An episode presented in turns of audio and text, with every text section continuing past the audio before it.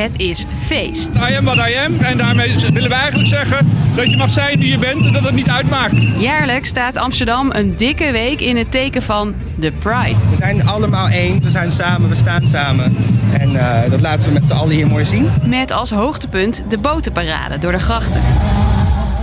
Waarom is de Pride er en is het wel een feestje? Ik ben Hilde en ik leg het je uit. Lang verhaal kort. Een podcast van NOS op 3 en 3FM. Het is 1969. In een gay bar in New York, de Stonewall Inn, stormt de politie binnen. Om vervolgens met harde hand de tent leeg te vegen, zoals vaker gebeurt in die tijd. Maar in plaats van te vluchten, komen de bezoekers in verzet. That night, the police ran from us. And it was fantastic. Na de inval blijft het dagen onrustig en wordt er geprotesteerd voor homorechten. Vanaf dan komen mensen elk jaar terug naar die bar om de rellen te herdenken en te protesteren. De Pride is geboren, een protest voor LHBTI-rechten. In die tijd borrelt het ook in Nederland. In Den Haag gaan mensen de straat op om te protesteren tegen de leeftijdsgrens voor seks met hetzelfde geslacht. Dat mocht pas vanaf 21 jaar. Dit is een discriminerend artikel, omdat voor heteroseksueel contact de leeftijdsgrens op 16 jaar is gesteld. Deze man deed ook mee met de protesten. De meeste mensen weten niet dat deze demonstratie een half jaar voor Stonewall was. In New York. is de geschiedenis ingegaan als de eerste homodemonstratie. Wij zijn dat. Het begon dus allemaal met protest. Eind jaren 70 groeide dat uit tot Roze Zaterdag, die nu ook nog jaarlijks rond de datum van de Stonewall-rellen wordt georganiseerd. Dat is een van de eerste protesten die we hebben gezien. Je hoort B. Seel, die de Pride in Rotterdam organiseert. Waarbij mensen de straat op gingen en aandacht vroegen voor het feit uh, dat ze er zijn en dat je er nou ja, uh, mag zijn in, in de samenleving.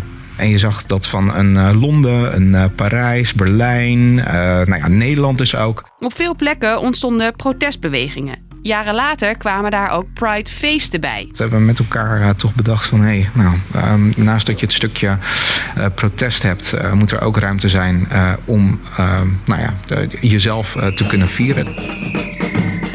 Dit is Londen in 1992 tijdens de eerste Europride. Iedere editie in een andere Europese stad. It's really a move towards lesbian and gay communities across Europe trying to harmonize their work. Later in 1996 is de allereerste Pride Amsterdam, inclusief de bekende botenparade die ook nu nog jaarlijks veel bezoekers trekt.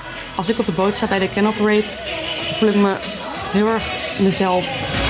Dan staan er overal mensen en licht en allemaal mensen die je soort van aanmoedigen van oh wat tof dat jij jezelf kan zijn, dat je hier bent. Je voelt je heel erg, ja, heel erg trots ook een beetje. Pride is dus meer iets feestelijks geworden. Althans, vooral in westerse landen. Want op veel andere plekken is het nog steeds een protest om te mogen zijn wie je bent en relaties te hebben met wie je wilt. Een heel recent voorbeeld is natuurlijk de Pride in Istanbul. De politie heeft daar heel hard voor, voor opgetreden. En dat doen ze al een aantal jaren, waarbij er geregeld gewonden uh, vallen uh, en er ook arrestaties worden verricht. En dan zie je toch dat, uh, ja, dat zoiets als een politie, waarvan geacht wordt, hè, dat die nou, helpen om je veilig te voelen of te doen voelen in een samenleving, dat ze toch betrokken zijn ja, bij discriminatie, uitsluiting en het marginaliseren van, van groepen.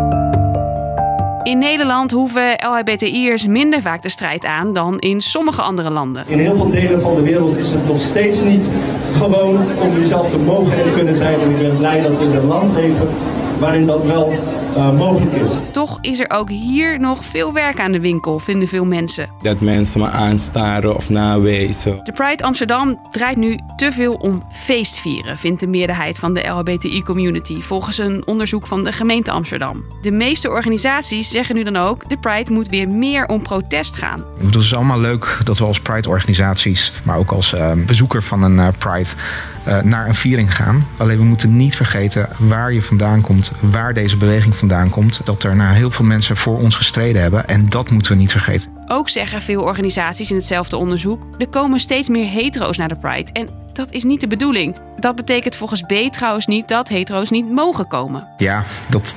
Kijk, ook daarin moet je waakzaam zijn dat je ook in je taalgebruik um, uh, of in de constateringen die je stelt, uh, ja, niet, niet groepen gaat uitsluiten. Want hetero mensen die de LHBTI-community steunen, straight allies, zijn welkom, zegt B.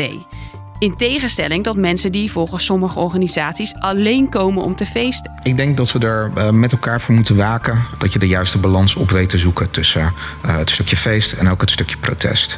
En dat je ook kijkt naar hoe inclusief uh, mogelijk je je Pride organiseert.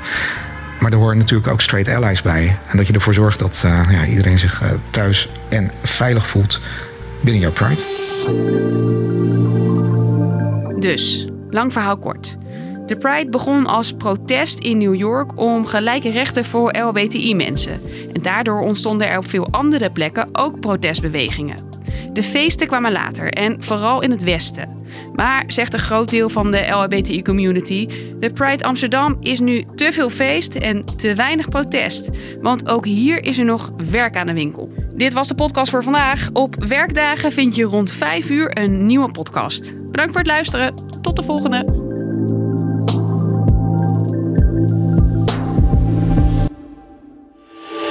3FM podcast. Ik was thuis. Thuis, ja, ik was thuis, net terug van werk. Stel, het meisje met wie je af en toe eens afspreekt, belt je onverwachts op. Kan je even langskomen? Met het bericht dat ze zwanger is van jouw kind. Ja, toen voelde ik me echt opzij gezet of zo. Mm. Zo van, ja, leuk wat jij wil. Allemaal leuk en aardig. Maar ja, ik hou het toch. Wat zou jij doen? Het overkomt Lucas. Hij is 29 jaar en woont in Amsterdam-Noord met zijn twee kippen. Ja, en dat was eigenlijk het moment dat ik wist... Oké, ik ga vader worden. Hoe dit afloopt hoor je in de 3FM-podcast Kan je even langskomen? Check hem via de 3FM-app of jouw favoriete podcastplatform.